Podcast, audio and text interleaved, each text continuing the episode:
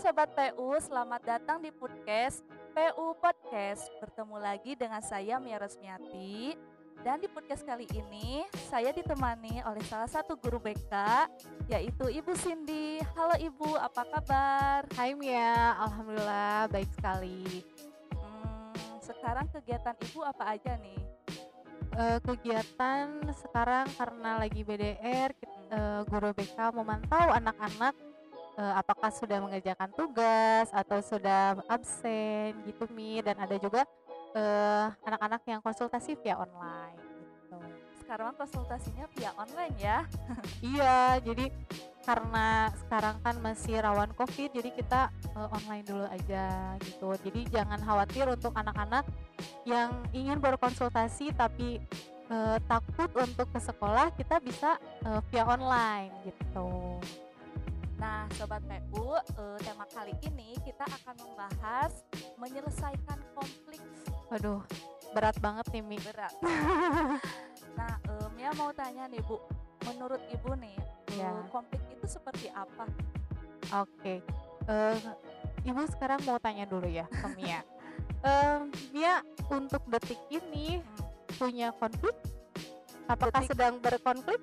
kalau detik ini mah belum. Oh belum. Gak tahu kalau besok. Ya. Gak tahu. Oh persekian detik juga bisa ada konflik nih. Oh, oh tidak nunggu ya? besok. Oh gitu. iya jadi uh, semua orang itu pasti berkonflik gitu ya. Tapi uh, kita apakah menyadari konflik itu atau tidak? Nah jadi uh, konfliknya itu uh, bisa dari diri sendiri atau dari orang lain ya internal atau eksternal. Nah kita jangan juga sampai uh, ini ada orang yang sepertinya dia diam, sepertinya dia itu uh, biasa aja hmm. gitu ya, uh, seperti seperti yang uh, kok dia tidak berkonflik ya. Tapi kan kita tidak tahu ya uh, sebenarnya dia itu berkonflik atau tidak gitu dan uh, bisa ibu pastikan semua orang itu berkonflik gitu. Nah, Nia pernah nih mengalami konflik yang di mana uh, dulu nih pas di kampus di kelas gitu ya konflik sama teman sendiri gitu. Nah, uh, kadang Mia sampai apa beda pendapat sampai adu pendapat gitu ya kadang Mia juga menghindar gitu kadang lari gitu dari konflik itu nah ada gak sih Bu cara menghadapi konflik yang baik gitu? Oke, nah jadi biasanya konflik ini terjadi dengan uh, orang yang kita kenal. Sebenarnya kita punya yeah. hubungan dekat ya yeah. dengan orang itu. Konfliknya itu terjadi karena biasanya kita beda pendapat. Beda ya, pendapat. Ya, jadi yang satu kekeh A, yang satu kekeh B nah. gitu. Nah, jadilah itu uh, konf sebuah konflik gitu ada penel sebuah penelitian uh, dari konflik ini uh, yaitu 10% konflik terjadi karena kesalahpahaman. Nah, yang 90% itu adalah masalah komunikasi. Jadi bagaimana caranya kita mengkomunikasikan kesalahpahaman kita dengan orang tersebut? Uh, gimana caranya? Apakah kita caranya dengan cara baik-baik untuk menyelesaikan konflik itu? Apakah dengan cara yang kurang baik? Seperti itu. Jadi bisa dilihat dari hasilnya. Apakah kalau misalkan baik-baik pasti nanti uh, akan baik-baik saja selanjutnya. Tapi kalau misalkan kita kurang baik berkomunikasinya pasti masalah atau konflik itu bukannya selesai tapi malah berlanjut ya. Tuh begitu. Uh, ada gak sih konflik yang terjadi selama belajar di rumah? Belajar di rumah. Uh, banyak sekali seperti uh, yang terjadi di SMKPU ini ya. Eh, nah, rata-rata nih anak-anak SMKPU eh, berkonflik dengan tugas ya.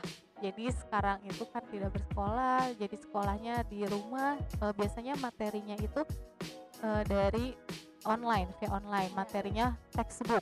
Terus eh, tiba-tiba harus mengerjakan tugas dan tidak semua anak bisa paham tentang materi itu. Nah, itu dan itu rata-rata ya semua anak-anak e, mengalami itu ketika harus e, menyelesaikan tugas dia tidak e, mengerti tentang materinya seperti apa muncullah konflik konfliknya dengan guru karena guru kan harus menilai ya yeah. harus e, ada nilai yang masuk e, dari tugas itu gitu. Sedangkan anak-anak tidak mengumpulkan dengan alasan dia tidak mengerti tentang materinya gitu. Nah, e, jadi berkonflik. Nah, dan di cara e, kita menghadapi konflik ini ada tiga Ada tiga. Ada tiga cara untuk menghadapi konflik. Nah, yang pertama itu adalah menghindar. Ya, ada ada anak yang sering menghindar. Contoh tadi e, tidak mengerti materinya. Nah, dia menghindar, pura-pura nggak ada tugas, pura-pura tugasnya sudah selesai gitu ya. Dan ada juga yang e, tidak mengerjakan gitu. Dan apakah tugasnya akan selesai kalau misalkan dia seperti itu? Tidak, tidak kan. Nah, yang kedua itu adalah menyerang. Menyerang itu secara uh, fisik bisa, secara kata-kata bisa. Nah, uh, yang sudah ketahuan sekarang di anak-anak PU ini ada yang menyerang secara kata-kata kepada guru. Oh, ada. Ada juga gitu. Tapi untungnya untuk menyerang secara fisik alhamdulillah sampai sekarang tidak ada nih. Oh, alhamdulillah ya. ya.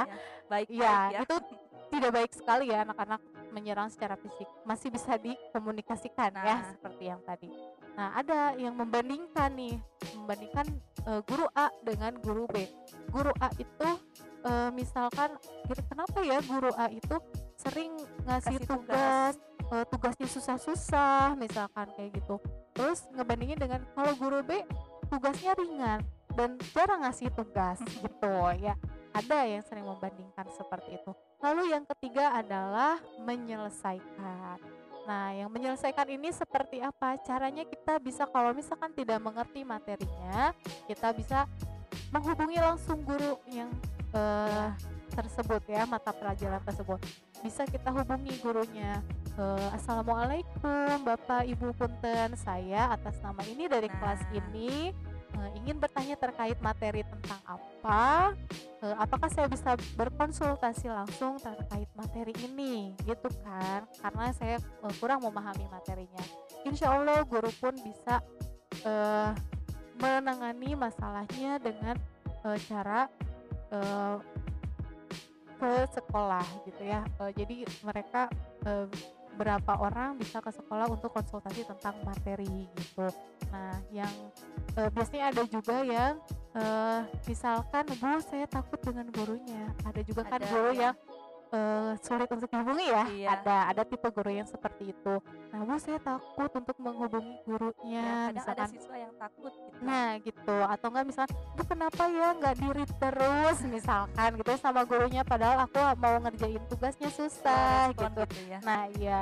Nah, biasanya ini butuh mediasi. Nah, siapa sih yang bisa dimediasi? Eh siapa yang bisa memediasi oh. gitu ya maksudnya oh, memediasi. ya. itu biasanya bisa dari wali kelas atau enggak guru BK minta bantuan lah sama wali kelas atau guru BK misalnya ibu punten saya tidak mengerti materi dan saya sudah menghubungi guru terkait namun tidak, belum ada balasan misalkan. Nah e, sedangkan saya bingung untuk mengerjakan tugas ini tuh harus seperti apa Nah, bisa nanti dibantu oleh wali kelas atau guru BK menghubungi guru tersebut gitu. Nanti bisa janjian konsultasinya juga. Seperti itu.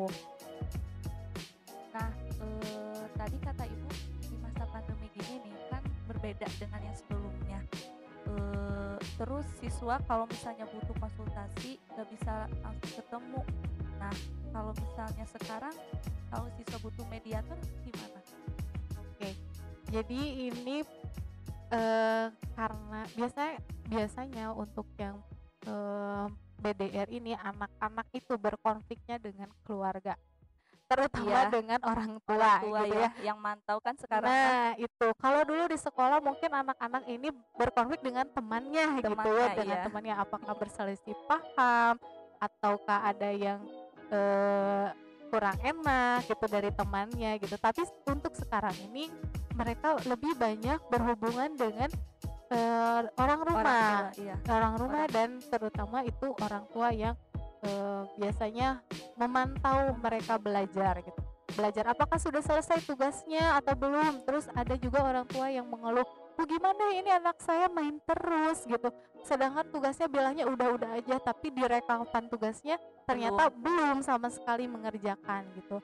Nah, untuk kalian yang punya uh, konflik seperti itu ataukah yang lainnya bisa uh, berkonsultasi kepada wali kelas atau guru BK secara online juga bisa ya dan uh, udah mulai uh, berjalan atau enggak misalkan Bu saya udah uh, menyerah dengan konflik ini dan pengen uh, ngobrol langsung misalkan ada yang kayak gitu boleh. Kita janjian dulu uh, mau hari apa dan jangan lupa untuk protokol kesehatannya, kesehatannya. juga gitu iya. Mi. Jadi masih boleh kok konsultasi secara langsung dengan guru BK atau wali kelas gitu.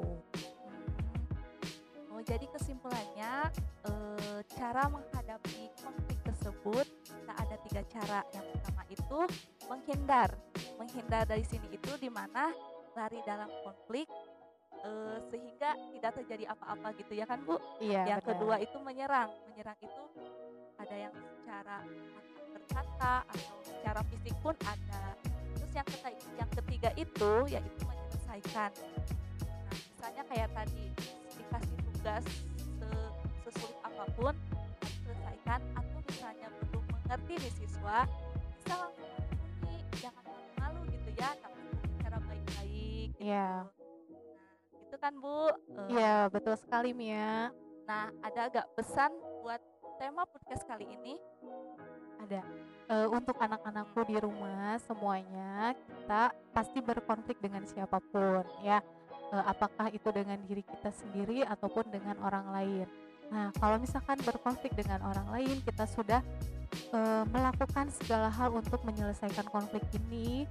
Bu, ternyata bu udah udah semuanya bu. Udah udah udah di udah dikomunikasikan secara empat mata sudah misalkan mengundang uh, mediator yeah. untuk menengahi. Tapi ternyata belum selesai juga konfliknya gitu. Harus seperti apa sih?